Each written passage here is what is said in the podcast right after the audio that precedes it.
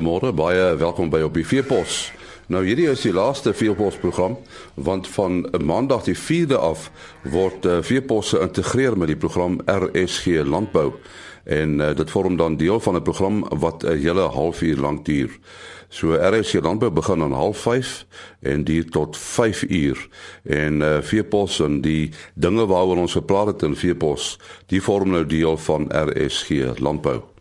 Ons gaan uh, praat oor winterweiding vanoggend en dan oor uh, Brango Suid-Afrika se 53ste verjaardag hier in Suid-Afrika. Ja, as jy in die oggende opstaan, dan kan jy voel dat dit nie meer hoogsomer is nie. En uh, die uh, herfs is besig om sy kop uit te steek. Ons gaan 'n bietjie gesels oor uh, oor winterweiding en 'n leë voerbank, veral nou met die droogte wat ons beleef het. Ons praat met 'n weidingkundige by Advanced Seed, Dirk Kutse. Ou Dirk, wanneer moet 'n mens uh, winterweiding eintlik aanplant? En nie dit hang baie af van van en ek hoor myself praat ook. Pla plaat dit jou wat? Ja, ek kan ek hoor jou my harder is vir jou. Uh, Dirk, wanneer moet 'n mens winterweiding nou eintlik aanplant? Dit hang alles af van uh, wat se gewas 'n mens nou spesifiek van praat. Daar is basies uh in die groenvoer kategorie het 'n mens verskeie opsies. Daar's haver, uh rog en korrog uh gewasse. En dan is daar ook verskille tussen die tipe kultivars en uh iets soos haver gaan 'n ou meer by baat om 'n dalk 'n bietjie vroeër aanplanting te doen waar die rog en die korrog kan 'n mens later plant en dan hang dit ook natuurlik af of jy vinnig kos wil hê en of of jy eerder later deur die seisoen hier teen die lente se kant uh, meeste van jou produksie wil hê. So dit hang uit en uit af van die boer se behoeftes en dan ook die kultivars wat hy uh, tot sy beskikking het of wat hy beskikbaar het. Uh want in 'n jaar soos vanjaar met die droogte wat ons in 2015 ervaar het, het die saadproduksies ehm um, het baie sleg gegaan eintlik.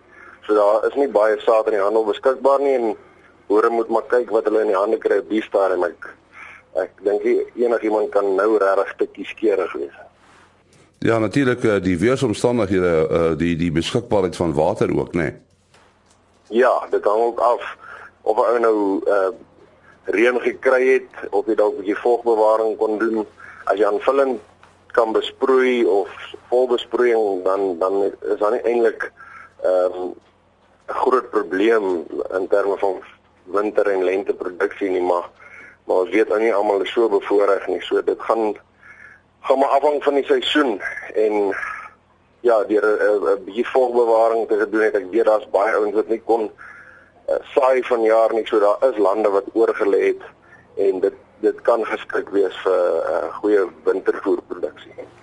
En en die reën wat nou so laat geval het, gaan dit help? Dit gaan beslis help, ja.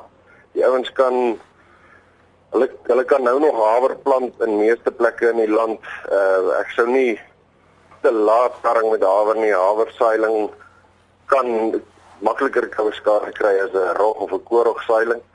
Maar uh ja, nee, selfs al al kom die reën heel wat later daar is nog gewasse wat geplant kan word. En wat effek het ryp uh, toestande byvoorbeeld op op uh, op hierdie soort van gewasse? So ek sê die haver is meer gevoelig as die rog en die korrog byvoorbeeld. En uh, maar meeste van hierdie gewasse is baie kou bestand. So hulle sal hulle sal nie doodryp nie. Hulle bly groen en hulle sal eintlik maar net dormant raak om weer dan teen einde Julie Augustus wanneer dit begin warmer raak, hoor hulle weer lekker weg te trek en goeie produksie te lewer, mits daar natuurlik genoeg vog op daai stadium is. En natuurlik uh, die die aangeplante weidings, uh, die kan op verskillende tye benut word nadat dit gesaai is, nê? Nee? Ja, die bodaas jy kry jou lente tipe gewasse of jou korter groeiers, ons praat maar van lente tipes, maar dis eintlik meer jou korter groeiers en hulle uh, produseer uit die staansvooruit baie vinnig, maar hulle gaan vroeër reproduktief maak en vroeër klaar maak en dan is daar jou intermediêre tipes en dan jou jou ander uiterste is die wintertipes wat langer groeiers is en ehm um, aanvanklik stadig vestig en eintlik maar net stoel en daar sit en dan teen die einde van die seisoen weer eens middag genoeg vog beskikbaar is, dan produseer hulle teen die einde van die seisoen um, in die lente in ehm um, lewer hulle produksie. Uh, dink is daar 'n spesifieke gewas wat jy nou sou bestempel wat wat uitstaan bo ander winterweiding? Nee, en daar is 'n plek vir elke liewe groenvoer gewas en groenvoer kultivar wat daar beskikbaar is. Dit dit gaan eintlik net oor om die kombinasie te kry wat vir jou stelsel in jou gebied gaan werk. Uh ek beveel altyd aan dat ouens kyk na 'n groenvoer pakket. Dit help nie jy gaan net met een haver kultivar en jy verwag hy moet aan al jou vereistes voldoen nie. Ehm um, 'n haver en 'n en 'n rog en 'n koorrog van intermediêre of lente of of wintertipes 'n goeie kombinasie kan mekaar goed aanvul en en uiteindelik is dit wat 'n mens wil hê is om 'n goeie groenvoer voervloei te hê reg deur die winter. Jy jy sê aangeplante weidings as daar droogte skade was kan redelik herstel. Ja, wel dit hang af wat die ehm um, die die erns of die of die vlak van die droogte skade was daar daar is aangeplante weidings kan vrek ook van droogte. Maar uh, ja, as daar as daar goeie reën geval het en en wintergroenvoer byvoorbeeld raak in elk geval dormant uh, as dit baie koud raak. So as daar dan nie reën is nie, is die is die ehm um, die effek daarvan is baie laag. Maar hulle sal definitief baie daarby as daar dan 'n goeie opvolgreën is in die, in die vroeë lente of in die laat winter. So jy sê dat 'n wyde 'n weidingkundige soos jy 'n belangrike rol speel wanneer jy nou vir boere raad gee oor wanneer moet hy wat plant? Ek dink ek dink dit is belangrik dat boere luister na mense wat uh wat al ge, gekyk het na verskillende gewasse um in verskillende gebiede en en die navorsing wat daar gedoen is.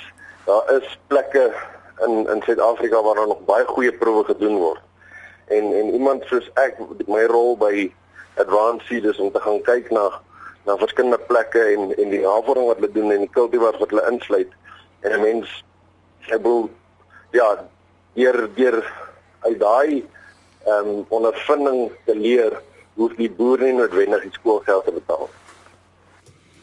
Ons sê baie dankie aan Dirk Kutsie, hy's 'n waardkundige by Advanced Seed.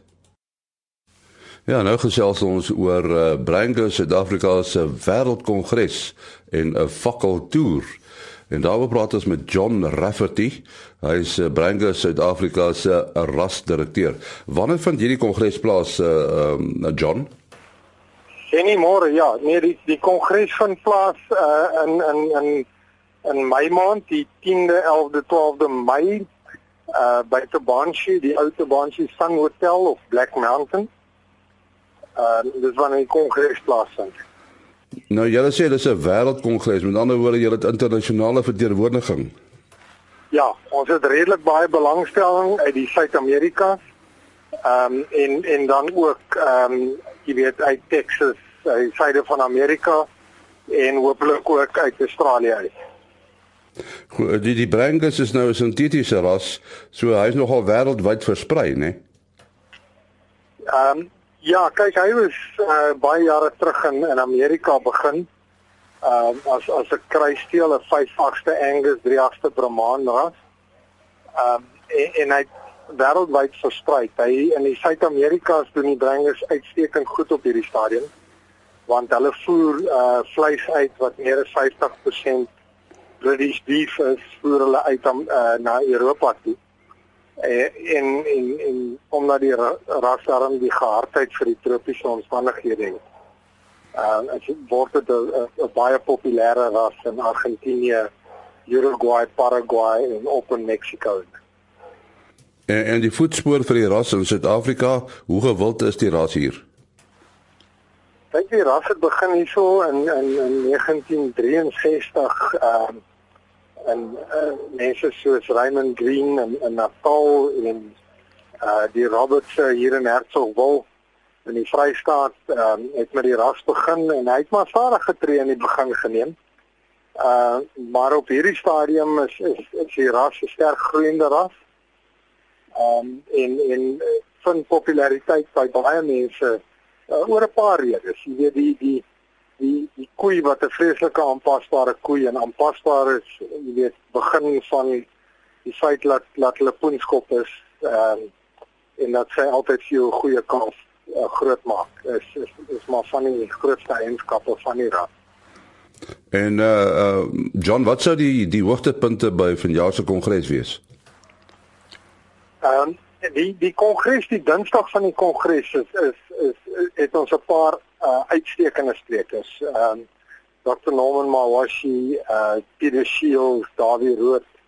Uh net net om 'n paar te noem en dan gaan daar ook terugvoer van die verskillende lande se se dranges wees op die eerste dag. Die tweede dag is is een van die eerste dae wat dranges nou skou uh van die beste bulle in die land by gaan wees, beste koeie en goed. So daar gaan 'n nie altermak skou wees met met 'n uh, um 'n silent auction die die aand van die diner. En dan die die donderdag is is 'n tegniese program. Uh wat wat ons van die heel betere um sprekers so goed het professor Frikkie Neser, uh Dr Mike Bradfield, uh Gerard van Sail en net 'n paar van hulle te noem gaan gaan dan nie donderdag dan praat nie. Die kongres is oop vir vir almal, dis nie net vir breinbestuurders nie en uh die besonderhede kan ons op die kan kan die manne op die web kry. En, en daar is sprake van 'n fakkelloop. Wat presies is dit? En dis een van die mees opgewonde projekte waar waarby ek nog ooit betrokke was. Uh ons het die hele tyd in in in die tyd voor die kongres die hele tyd gesê wat is dit ehm um, wat breine spesiaal kan doen. En uh ons het toe besluit om om om 'n fakkel en dis dis 'n werklike fakkel wat oor die 100 jaar oud is wat aangesteek word en hy word deur die land gedra. Uh breine is 53 jaar in die land.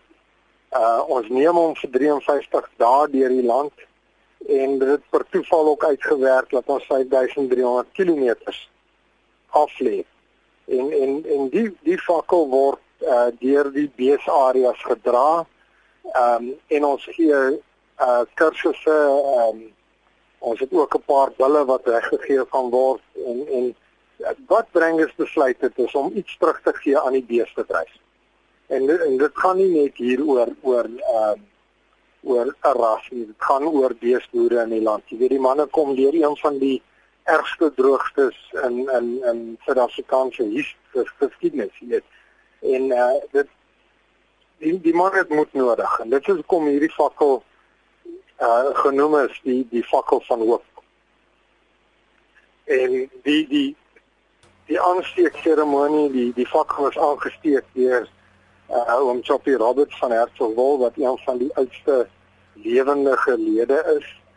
Ehm um, die is in 'n in 'n seremonie laas ehm um, laas Vrydag ehm uh, van Bloemfontein aangesteek en die fakkel is al deur boere daar op Allewal Noord ehm um, op Bakkie Oos op Kleer op Swartberg op Kokstad en vanoggend is is die volgende een op Haga Haga uh in die Oos-Kaap. En dan trek die fakkel hier deur die Noordwes uh deur die Vrystaat Mpumalanga toe af van Natal in en die fakkel sal op die opening seremonie van die wêreldkongres daar aangedra word.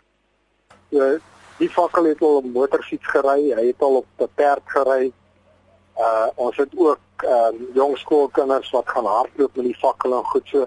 Hy hy word deur verskeie maniere vervoer deur die land en uh dit dit uh, dit gaan maar oor 'n boodskap van hoop aan aan die beesboere van die land. Ja, Ja, daar sê baie dinge wat van plaasvind hier om die uh, wêreldkongres van uh, van Brangus. Dit was dan eh, John Rafferty. Hy is Brangus Suid-Afrika se rasdirekteur. daarmee ook die einde van ons program. Ons is uh, maandag dan weer terug soos ek gesê het met die program RSG Landbou. Ah.